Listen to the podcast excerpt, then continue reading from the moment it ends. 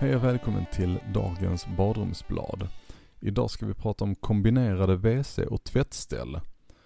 Många skulle säkert skratta åt dig eller titta på dig som du vore från Mars om du föreslog till kunden att han eller hon skulle skaffa sig en kombinerad WC, tvätt, WC plus tvättställ. Vad jag sett är det inget svenskt företag som börjat tillverka dessa badrumsvärldens Frankensteins monster än. Personligen tror jag bara det är en tidsfråga innan vi börjar se hantverkare prislova dem även till svenska kunder. Vad pratar du egentligen om? Kombinerade WC och tvättställ?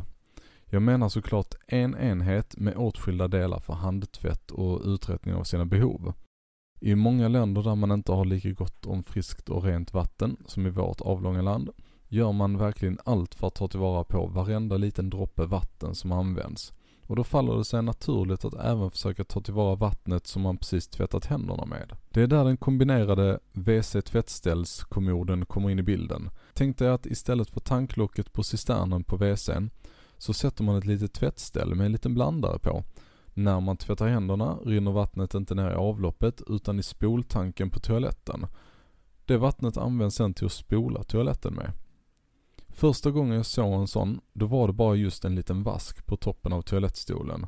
Nu för tiden finns det betydligt snyggare varianter i kombination med kommoder, tvättställskåp i olika bredder. Det går även utmärkt att ha en lite bredare möbel så tvättstället sitter bredvid toalettstolen, vilket gör att man slipper luta sig över toaletten när man ska tvätta händerna. Okej, okay. men vem skulle vilja använda sig av en sån lösning? Det är kanske inget som heminredare drömmer om, att sätta ihop toaletten med tvättstället.